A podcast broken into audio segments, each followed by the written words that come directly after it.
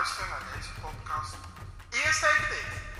Stichting Village Generation probeert met een geweldig team jou de tools te geven om jouw dromen te ontdekken, te bereiken en te leven op een angstvrije en gezonde manier, ondanks de omstandigheden in jouw leven. Maar weet je, dat kunnen we niet zonder jouw steun. Je kan ons namelijk steunen door mee te bouwen als teamlid, te doneren, maar zeker ook door jezelf te abonneren op deze podcast. Check even uit onze website www.fearlessgeneration.nl als je wilt doneren of teamlid worden. Maar voor nu, abonneer jezelf nu meteen even op deze podcast. En uh, dan wil ik je voor nu bedanken namens het hele team voor het abonneren. En uiteraard geniet van deze geweldige podcast.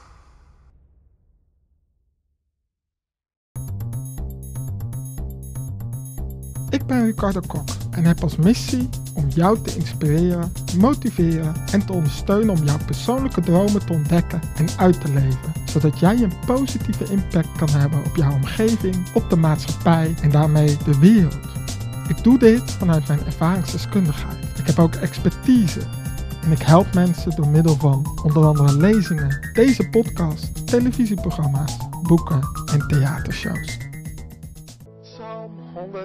Psalm 127. Het is een beetje mijn lijfpsalm geworden. Voor, voor ik het woord van God, eigenlijk voordat ik de overdenking doe, moet ik het goed zeggen. Doe ik altijd even Psalm 127, want het is een absolute waarheid. Als God het huis niet bouwt, bouwen wij te vergeefs. Als God hier de hervormde wijkgemeente Lisse ik zeg het goed hè. Als God die niet bouwt, komt u hier voor niks. Kunt u net zo goed thuis blijven. Als God uw leven niet bouwt, kunt u net zo goed meteen voor de trein springen, want het heeft geen nut. God is degene die het doet. Um, ik zal mezelf eerst kort voorstellen, want u denkt, oh, wie is die gast nou daar in het wit en een zwart jasje eroverheen. En het gaat misschien een beetje anders dan anders. En ik weet, ik ben wat energieker. Ik zal proberen zo langzaam mogelijk te praten. Doe mijn best, maar ik ben wat enthousiast altijd. Wat positief is, want enthousiast betekent vol van God zijn, in God zijn. Uh, maar ik ben Ricardo, ik ben 25 jaar oud. Dus ik ben nog een jonkie, zullen we zeggen, in verhouding met u daar. Uh, ik woon nu in Zwijndrecht met de meest mooie vrouw die daar zit. Dat is mijn vrouw, Jessica. We zijn nu, uh, het is vandaag de 26e, dus we zijn een maand en 24 dagen getrouwd. Ik hou dat nog bij. uh, daarachter zit trouwens een man die 60 jaar getrouwd is. Dus uh, dat vind ik wel van applaus waard. U mag gewoon, kom op. U mag hem gewoon even een applaus geven. Hij is 60 jaar getrouwd. Ik bedoel, dat doe je niet zomaar. Zeker in de tijd vandaag. Maar ik ben Ricardo, dus zoals ik zei. Ik woon nu dan in Zwijndrecht. Uh, ik spreek al sinds mijn zestiende. Uh, ik kom oorspronkelijk uit de Pinkstergemeente. Uh, maar ik spreek eigenlijk in elk type gemeente, omdat ik geloof, we zijn één kerk, we zijn één. En dit zou meer moeten gebeuren. Er zouden ook dominees uit de hervormde gemeente naar de Pinkstergemeente moeten gaan en andersom. Waarom? Omdat we aan elkaar moeten laten zien, luister, het maakt niet uit of je nou hervormd, gereformeerd, Pinkster, Evangelie, Baptist heet. Maakt niet uit.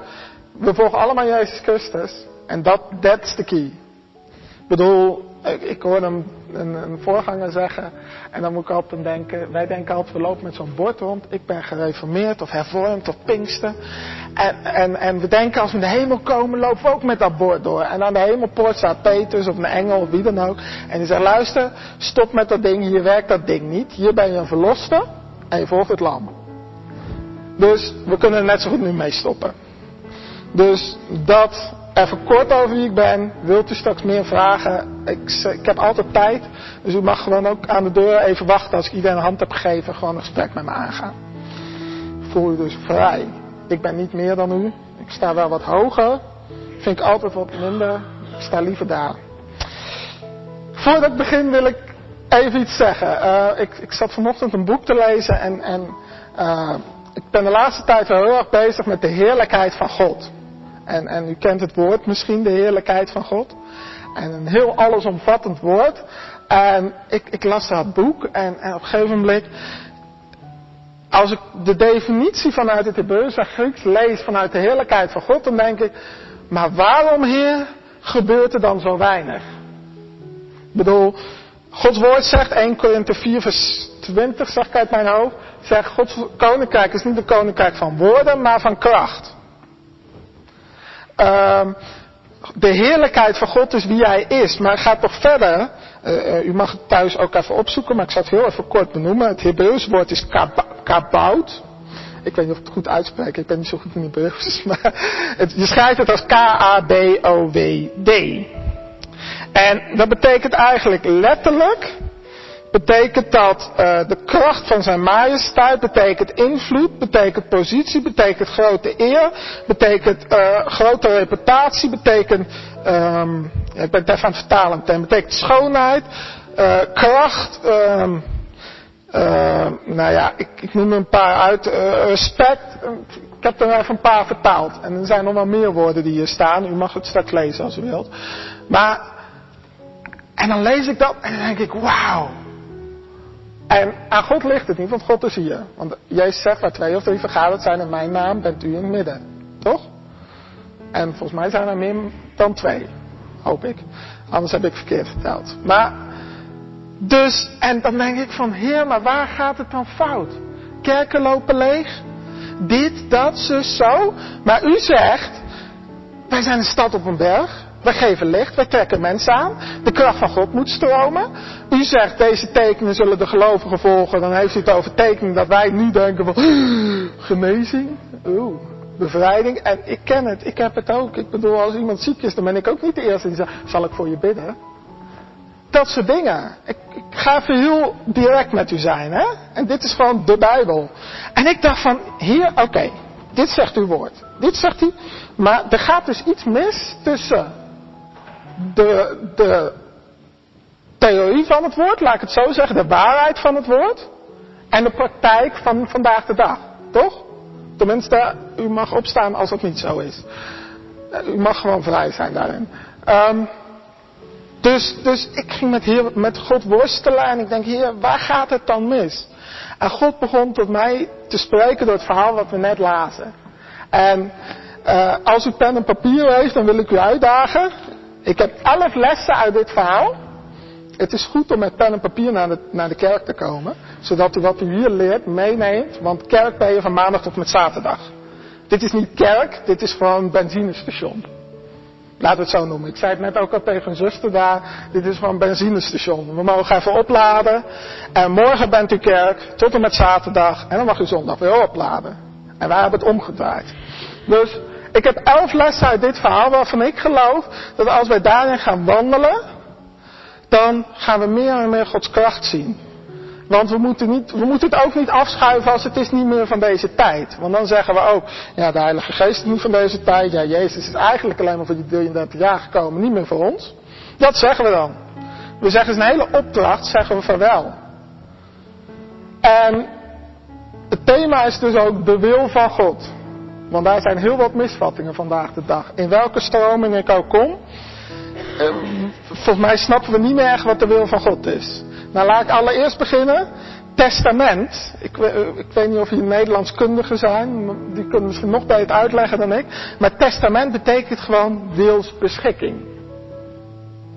Simpel. Oftewel, de Bijbel is de wil van God. Daar kunnen we al heel simpel beginnen. Dus laat, ik laat niemand ooit zeggen, ja, ik weet niet wat de wil van God is. Dan zeg ik, ga lezen. Ik weet wat de wil van God is. Dat staat, ik pak even dit boek, want anders pak ik het staat hierin. Dit is de wil van God. Ik ben even heel visueel voor u. Dat is de wil van God. Dat is al heel simpel. En het leuke aan het testament is, er moet iemand voor sterven om hem van kracht te maken. Jezus is gestorven om hem van kracht te maken. Dus alles wat er staat, van Genesis 1 tot Openbaringen 22, ja, tot Openbaringen 22, is gewoon waar. Laat niemand u iets anders vertellen. Ik heb ook theologie gestudeerd en er komen allerlei theorieën op me af. Maar één ding waar ik altijd bij ben gebleven is, ja, wacht, Genesis 1, Openbaringen 22, alles wat staat is waar. En er gaat geen letter vanaf, er gaat geen hoofdstuk vanaf. Dat is gewoon de complete waarheid. Dus ook genezing voor deze tijd is waar. Zien we het altijd? Nee. Dan moeten we uitzoeken hoe kunnen we dat zichtbaar maken. Ook Nou, noem al die dingen op. Voorspoed. Weliswaar om tot zegen te zijn. Ik bedoel, u bent niet rijk voor uzelf. Maar naar het woord. Stukje introductie. Moet je nagaan hoe lang het kan worden. Het eerste wat hier staat, ik, ik, we gaan langzaam even weer door de hele tekst heen. Dus u mag, als u de Bijbel heeft, mag u hem gewoon weer erbij pakken, want ik stop iedere keer en ik lees hem nog een keer. Er staat, ze kwamen in Jericho toen hij Jezus met zijn leerlingen, gevolgd door een grote menigte weer uit Jericho vertrok, zat daar een blinde bedelaar. Eerste woordje, blinde bedelaar. Ik ging erover nadenken. Waarom staat er zo specifiek een blinde bedelaar? Ik bedoel, als er een blinde had gestaan, want het gaat over... Ik bedoel, ja, waarom moet dat erbij staan? Ik, ik weet niet of je als mij bent. Ik ben heel simpel met God. Ik kan heel moeilijk doen. Ben ik mee gestopt. Werkt niet bij God. God heeft het simpel gemaakt. We moeten weer simpel worden zoals de kinderen. En ik denk, waarom staat het daar? En, God ik begon met God te worstelen. God zei heel simpel, luister. Een blinde bedelaar, hij was geestelijk arm en blind. Niet alleen maar lichamelijk, want dat was wel duidelijk. Maar hij was ook geestelijk arm en blind. Hij was geestelijk arm en blind. Misschien was hij, nou ja, vandaag nog zouden zeggen, hij was geen christen. Wil ik niet zeggen dat dat per definitie de reden is dat je geestelijk leeft en dat je geestelijk ziet. Maar dat zouden we vandaag de dag zeggen. Hij was, om het zo maar te zeggen, geen volgeling van Jezus. Laat ik het zo zeggen, want een christen is weer wat anders. Dat was het eerste wat je ziet. Dus wie je ook bent, waar je ook vandaan komt, hoe je nu ook staat. Misschien ben je voor het eerst in de kerk, ik heb geen idee. Ik ken u allemaal niet. Misschien bent u tien jaar christen, misschien bent u honderd jaar christen, misschien bent u een jaar christen, misschien bent u geen christen, misschien bent u traditioneel en u komt gewoon naar de kerk want u vindt het wel grappig. Het maakt niet uit. Hier staat gewoon heel simpel, Jezus ziet ook die blinde bedelaar, die geestelijk blind is, die geestelijk arm is. Het maakt hem niet uit. Hij ziet hem zitten. Hij ziet jouw situatie. Hmm. Zo. Dat was even wat water. En dan staat heel mooi langs de weg een zekere Bartimaeus, de zoon van Timaeus. Ik weet niet of u de Bijbel gelezen hebt, maar bij heel veel genezingen staat er niet bij hoe die heet en waar die vandaan komt. En dit is eigenlijk les 2 al. God wist wie hij was. God weet of u nou geestelijk arm of niet bent, of u nou ziek bent, of u nou welvarend bent, wat u ook heeft, God weet uw naam, wie u bent dus, en waar u vandaan komt. God weet het. U bent niet zomaar alleen maar een blinde bedelaar. Het is niet dat het daarbij blijft. Nee, hij gaat verder. Hij zag Bartimaeus, de zoon van Timaeus. Hoe uitgebreider kun je het zeggen? Ik bedoel, ik, ik, van mijn vrouw weet ik het, maar van meerdere van de mensen weet ik, hier zo weet ik sowieso bijna geen namen. Laat staan nog eens de naam van je vader erbij. Ik zou het niet weten. U van mij ook niet. Ja, u weet mijn naam. Uh, Ricardo. Maar de naam van mijn vader. Zo specifiek is God en ziet hij u. Laat die eens even binnenkomen. We, we lezen het soms zo snel, maar dat gaat zo diep.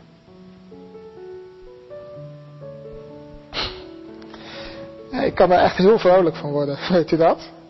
Dat God ons ziet staan. Ricardo, de zoon van Johan. Zo ziet hij mij.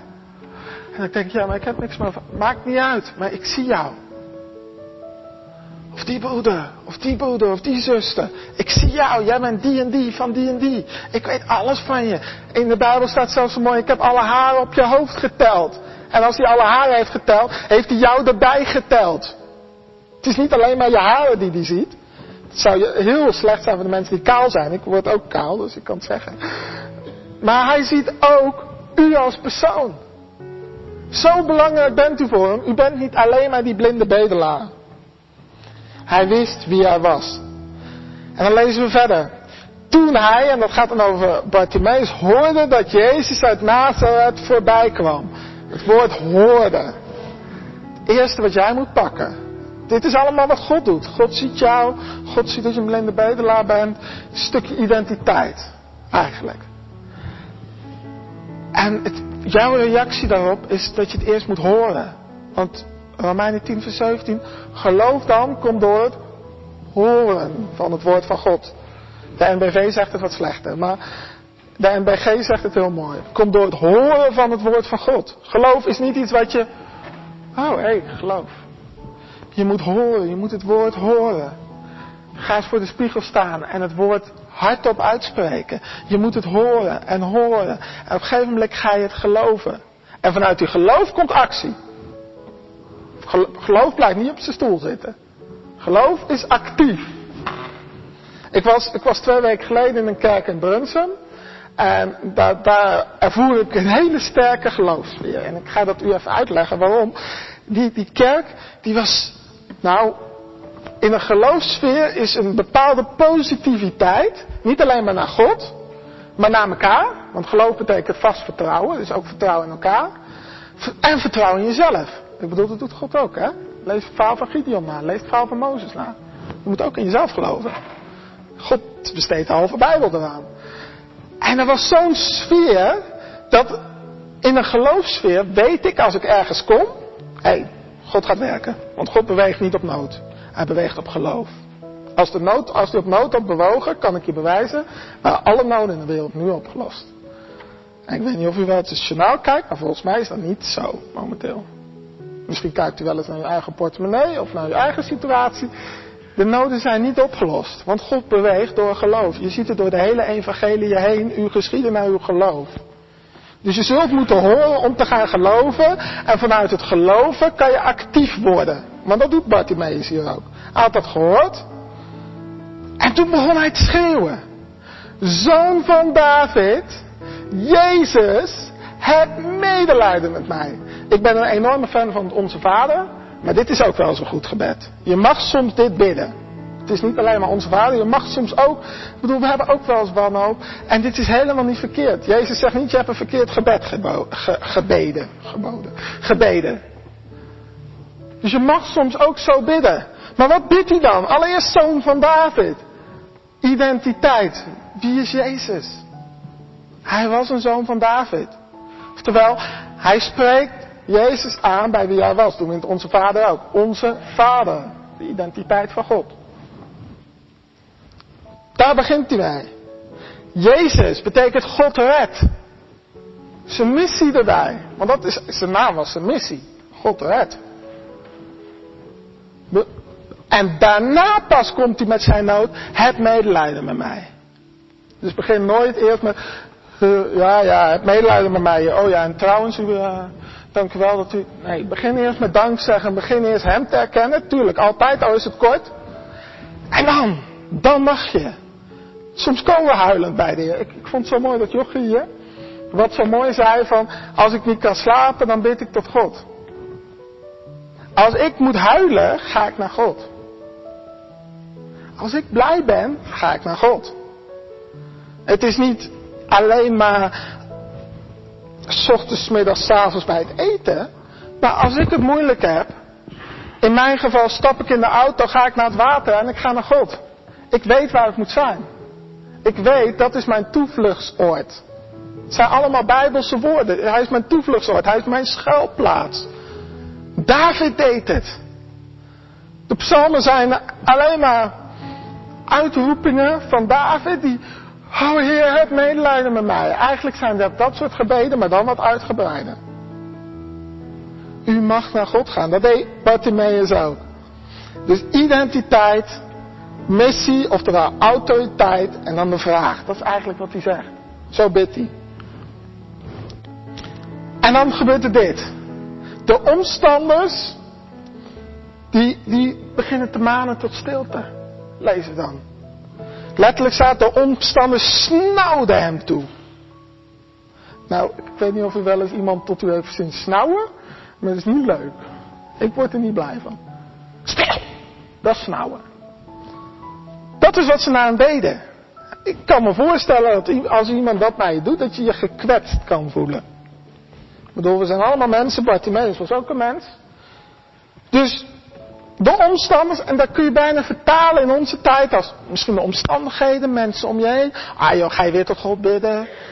Of de omstandigheden die ervoor zorgen dat je niet gaat bidden. Of noem maar in wat het in uw leven is. Die snauwen je als ware toe en manen jou tot stilte. Maar wat doe jij? Wat is jouw reactie daarop? Ja, nee, inderdaad. Ja. Ik uh, zeg dat ik niet kan bidden op mijn werk voor het eten. Laat maar stil zijn. Laat het maar niet doen.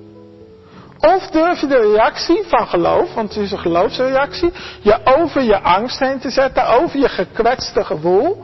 En gevoel is niet verkeerd, maar God gaat boven het gevoel. Ja? Durf je eroverheen te zetten en durf je te doen wat Bartimaeus deed. Want wat deed Bartimaeus? Hij ging niet zachter bidden. Hij ging niet zachter schreeuwen.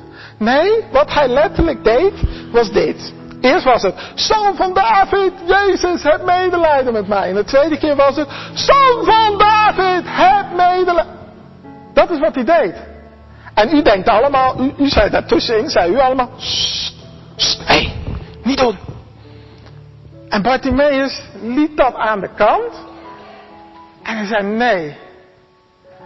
Maakt niet uit wat jij zegt, maakt niet uit wat jij zegt. Ik moet daar zijn en ik moet en ik zal. Net zoals die vrouw met de onrechtvaardige rechten. Dat de rechter zei van, die gelijkenis, u kent het wel waarschijnlijk. Ik bedoel, u zit waarschijnlijk, de meesten zitten wat langer in de kerk, maar heel kort. Die, die, die, die rechter sprak uit dat het land naar iemand anders ging en die, die, die vrouw die kwam iedere keer terug. En die kwam terug. En die kwam terug. En iedere keer zei hij echt nee, nee, nee. Maar doordat ze zo bleef doorgaan, en ik, misschien hadden wij daar lang voor gek verklaard, kreeg ze wel waar ze recht op had. Je mag doorzetten. Je hoeft niet te stoppen omdat de omstandigheden het zeggen, je familie het zegt, je collega's het zeggen, je, je, je schoolgenoten het zeggen, wie dan ook. Je buren het zeggen. Durf harder te schreeuwen.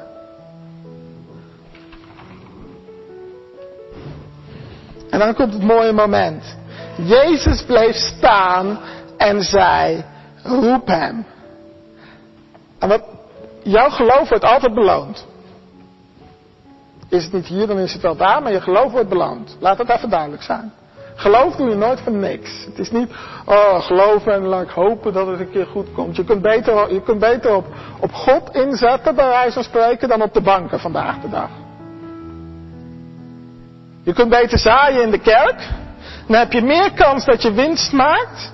Dan dat je zaait in de beleggingsfondsen, de pensioenfondsen en de banken. En wat verzekeringen en weet ik hoe al die fondsen heten. Zeg ik dat dat slecht is? Nee, dat zeg ik niet. Wat ik zeg is dat God veel meer zekerheid is. Je weet, God zegt, hé, hey, als jij gelooft, ik beweeg. Punt. Als jij zaait, zal je oogsten. Zo simpel is het. Het is niet moeilijk. Het is heel simpel. Alleen wij maken het moeilijk. Dus je geloof zal beloond worden. Want Jezus roept zich tot jou. Dat doet, hij hier ook. En het mooie wat erachter staat, ik vind het geweldig. Dan staat er ze riep hem. Wie is ze? Dat zijn die omstanders.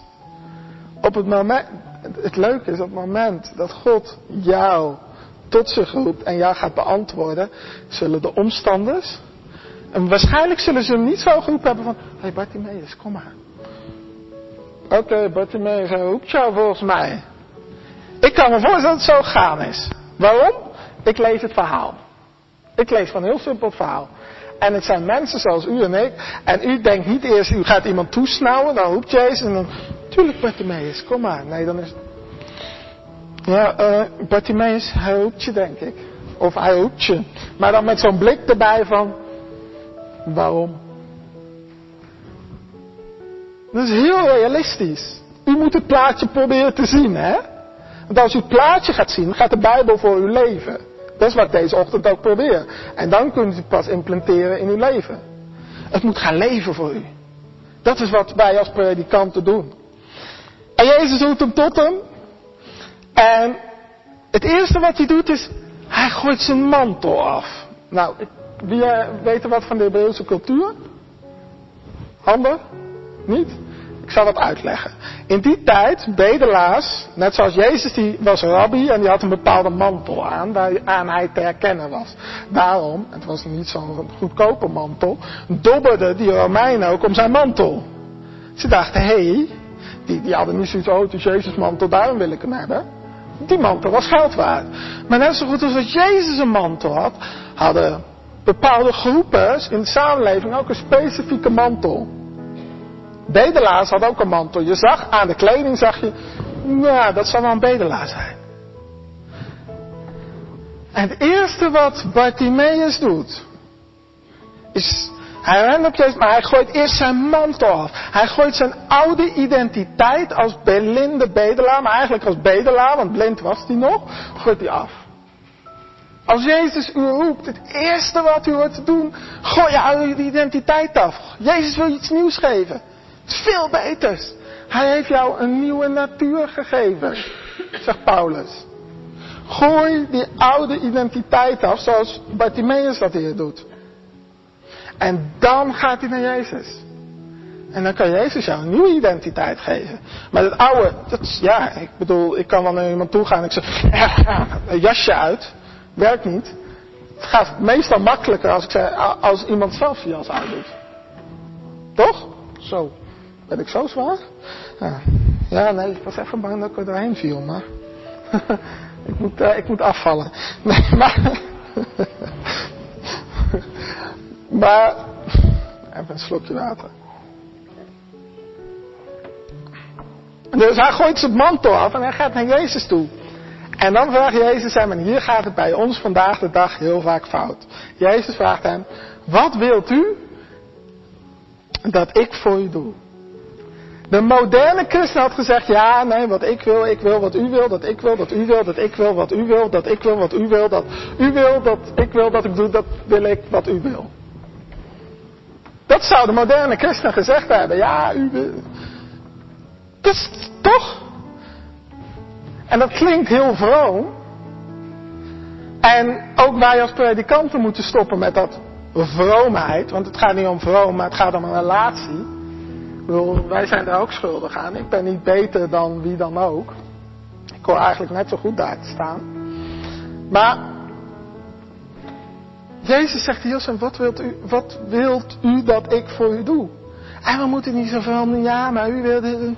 Nee, luister, als God had gewild dat u exact deed wat hij op dat moment in zijn hoofd had, had hij niet gezegd, wat wilt u dat ik voor u doe? Dan had hij gezegd, ik wil dat je dat doet. Ik bedoel, God is niet dom. God is behoorlijk slim. Behoorlijk heel erg. En God zou dan heel simpel zeggen, in plaats van wat wilt u dat ik voor u doe? Hé, luister, ik wil gewoon dat je dat en dat doet. Zo simpel is het. Maar dat doet hij niet. Jezus zegt, wat wilt u dat ik voor u doe? En als Bartimaeus had gezegd wat de moderne christen, wat ik net zei, had gezegd, was hij niet gaan zien. Was hij niet gaan zien. Hij moest zijn gelopen vest door gewoon te zeggen, Rabuni, zorg dat ik weer kan zien. Heer, zorg dat ik genezen word. Heer, zorg dat mijn partner tot geloof komt. Heer, laat mijn licht zijn op mijn werk of op mijn school. Jezus staat er van, ja, wat wil je dat ik voor je doe? En wij maar, ja, heel veel, ja, ik wil wat u wilt. En Jezus die denkt, die zegt tegen zijn vader misschien wel van, ja, ja, ik kan hier niet zoveel mee. Wat willen ze nou? Ik heb een vrije wil gegeven. Zo heeft God ons geschapen. En zij blijven maar vaag roepen. Durf te zeggen wat je wil. Psalm 37 staat heel mooi. Verlustig u in de Heer en hij zal u geven de verlangens van zijn hart. Nee, van uw hart. Wat u wilt. Ja, maar dat is, oh, dat is godslastering hoor, predikant. Van, ja, Gods wil en, en... Nee, het is godslastering als je zijn woord niet neemt zoals het zegt. We denken wel eens, ja, het is nederig als ik mezelf, ja, en u wil. En nee, dat is valse nederigheid. Het is nederig als je gewoon gaat zeggen wat God zegt. Dat is nederig. Nederig is om te zeggen wat Hij zegt.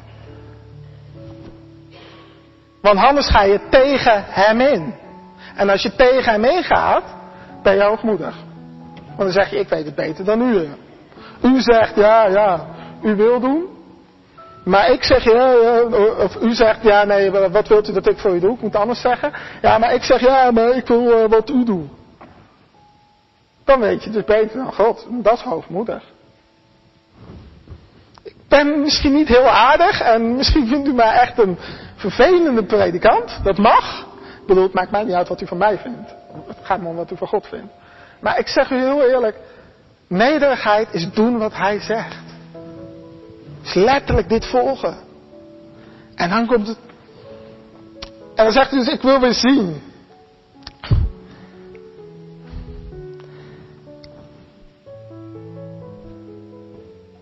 Zijn bedelaarschap had hij al afgelegd. Dus hij hoefde niet meer te vragen om rijkdom.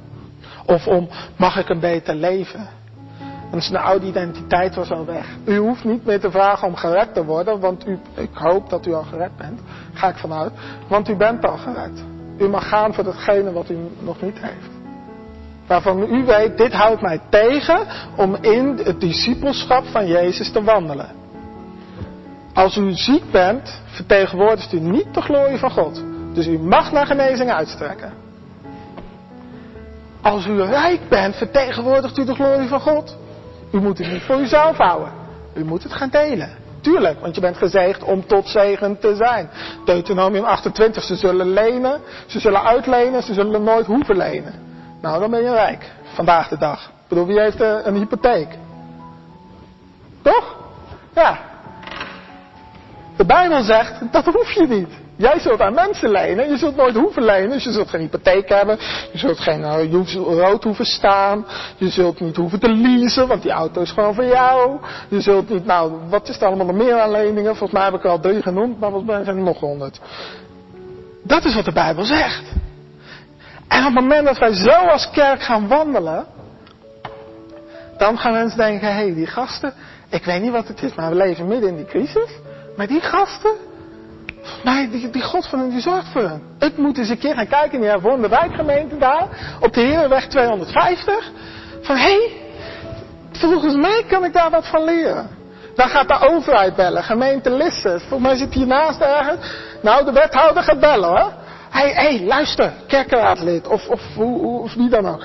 Ja, jullie doen iets goed. Wij zitten in de gemeente toch een beetje financieel. Wat doen jullie nou? Dat is invloed hebben. Dat is de rol van de kerk. U behoort invloed te hebben. Ik leg de lat niet laag. Ik leg de lat waar God hem legt. En dat is soms behoorlijk creepy. Ik bedoel, als ik erover nadenk, oh, ik moet invloed hebben. Ik loop er ook liever van weg. Want dat betekent dat je zichtbaar wordt. Dat je niet meer in een kerkje zit. Dat betekent, je gaat naar buiten toe. Je gaat daar invloed uitoefenen. Want die heb je. Jij bent de jij hebt een koninklijk priesterschap. Een koning, wat doet een koning? Die heerst. Wij heersen onder de koning der koningen. Daarom is het ook de koning der koningen. Koning der koningen. Heeft hem? Maar moet gaan heersen over je omstandigheden. Accepteer niet meer wat niet van God is. Accepteer het niet. Ga er tegenin. En ik weet hoe moeilijk het is. Ik heb ook niet altijd een makkelijk leven gehad. Ik heb ook een tijdje in de hoop gezeten. Misschien kent u het wel. Ik heb ook mijn moeilijke dingen gehad. Maar ik had gezegd, ja, ja, ja, het komt nooit meer goed. En, en dit zal wel Gods wil zijn. Nee, ik stond op en ik dacht, nee, God zegt. Hij heeft mij een leven van overvloed gegeven. Johannes 10 vers 10. God zegt. Ga de waarheden opnoemen die voor jouw leven gelden. God zegt, ik heb astma, ik blijf verklaren. God zegt, door zijn streamen is mijn genezing geworden. 1 Peters. In 53 staat wat het zal zijn. In 1 Petrus staat geworden. Begin het in bezit te nemen. Ik, even voordat ik verder ga, en we gaan zo eindigen. Maar er, er is een mooi woord in de Bijbel. En uh, voorganger, uh, een beetje een coach van mij, die gebruikt het woord heel veel. Dat is het woord lambano. Dat is een Grieks woord. En dat betekent letterlijk, en dat staat op heel veel plekken waar ontvangen staat, staat in de originele, originele tekst, de grondtekst staat lambano. Dat betekent niet ze zullen ontvangen, dat betekent neem het, ga erin staan. En als op plekken waar het over genezing gaat bijvoorbeeld, op dat soort plekken staat er lambano. Lambano betekent, ik ga erin staan. U mag het daarvoor dat ik er ook even ga staan. Dat betekent lambano. Ik trek het naar me toe. Want er is namelijk iemand die weliswaar verslagen is, maar die er alles aan probeert te doen om ervoor te zorgen dat u niet erin kan gaan staan. God zegt, hier is het ding, die zegt hier, en iemand die komt er tussendoor en u staat op een metertje afstand. Als u niet die stap naar hem toe zet om het aan te pakken, zult u het niet krijgen. Niet omdat God het niet wil. Maar het is een wisselwerking. Het is een samenwerking. God doet wat, u doet wat. En wij hebben als kerk te lang alleen maar op we, ik zeg ook constant we, hè, op die banken gezeten en niks gedaan, maar we moeten gaan opstaan. Paulus, 1 Korinthe, ik kan zo doorgaan, 1 Korinthe 16. Sta vast in het geloof. Wees waakzaam. Waarom waakzaam? U heeft iets te verdedigen, u moet gaan opstaan.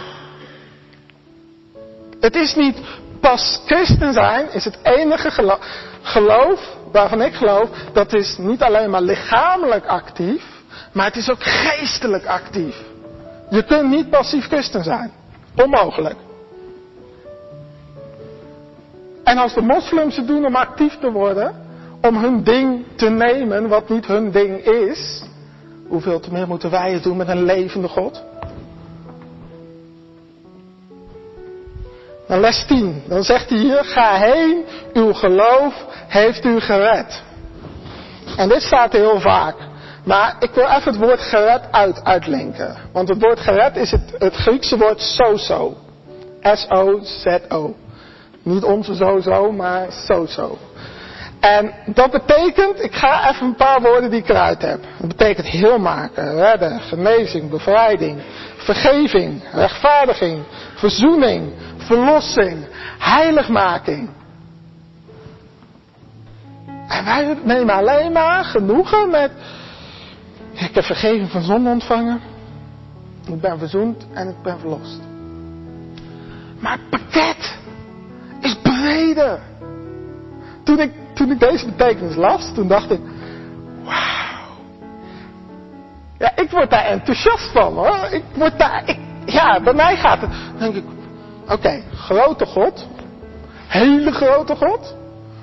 Die denkt niet alleen maar, ik wil in een relatie staan. Ik bedoel, dat is al heel wat. Maar die zegt ook, ik wil jou genezen. Ik wil jou bevrijden. Ik wil jou rechtvaardigen. Ik wil je heilig maken. Dat hoef jij niet te doen. Dat doet hij in jou. Je moet met hem meewerken, klopt. Maar het, dat werkt niet op eigen kracht. Het is een cadeautje. En een cadeautje, ja, weet je als mijn vrouw mij een cadeautje geeft, hè? Zou het heel gek zijn als tegen mijn vrouw zegt, en ik heb die neiging wel eens hoor, maar als tegen mijn vrouw zegt, schat, luister, je hebt me een cadeautje gegeven, maar ik ga er eerst 40 uur voor werken, en dan kijken of ik genoeg geld verdiend heb, en dan geef ik je het geld en dan ontvang ik het cadeautje. Is toch gek of niet? Ik vind dat gek. Misschien u niet, maar ik vind dat gek. Maar zo doen wij wel vaak bij God. God geeft ons een cadeau. En wij zeggen, ja, maar we moeten eerst de hele weg houden. We moeten eerst dit, we moeten dat, we moeten dit, we moeten zo. En God die zegt, ja, maar het cadeautje ligt niet. Pak het nou. En als je dat nou pakt, dan zie je in het cadeautje datgene wat ons gaat helpen om dat na te leven. Dan krijg ik misschien van mijn vrouw krijg ik een rooster om goed te werken. Of weet ik veel. Of een auto. Of nou ja, weet ik veel. Noem maar wat. Nou, zo kun je het bij God ook zien. Pak het cadeautje nou uit.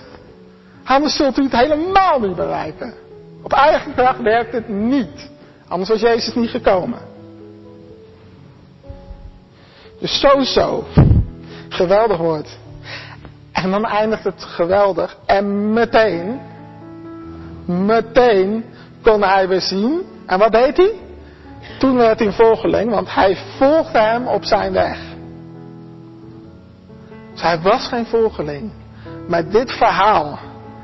En ik heb niet constant gezegd welk lesnummer, maar hier zitten elf lessen. Volgens mij heb ik ze wel, als je mij hebt geschreven, dan kun je ze wel nummeren. Maar hij was geen volgeling. Hij was geestelijk blind, geestelijk arm. Maar hij werd een volgeling. Prachtige transformatie, toch? Als een rups naar een vlinder. Hij kon weer zien. Zijn oude identiteit als bedelaar was van hem af. En hij werd verhoogd tot degene die God te waren. Bartimaeus, de zoon van Timaeus. dit verhaal is niet alleen maar een geschiedenis. Zoals ik net al een paar keer lessen eruit gaf. Dit verhaal geldt ook voor u vandaag. En als we zo een moment van stil gebed gaan nemen. Ik weet dat we een keer hebben gedaan. Maar dit moment wil ik echt specifiek nemen. Laat datgene wat u gepakt hebt uit dit verhaal in uw hart neerkomen. En ik weet dat als het in uw hart neerkomt. Neem het, de gelijkenis van de zaaien. Het gaat vrucht brengen. Laten we een moment nemen van stil gebed. Deze podcast is geproduceerd door Fearless Generation. We hebben geprobeerd om alle rechthebbenden te benoemen in deze aflevering. Wil je meer content zien, lezen of horen? Of wil je contact opnemen? Dat kan via fearlessgeneration.nl. Dat is fearlessgeneration.nl. Aju.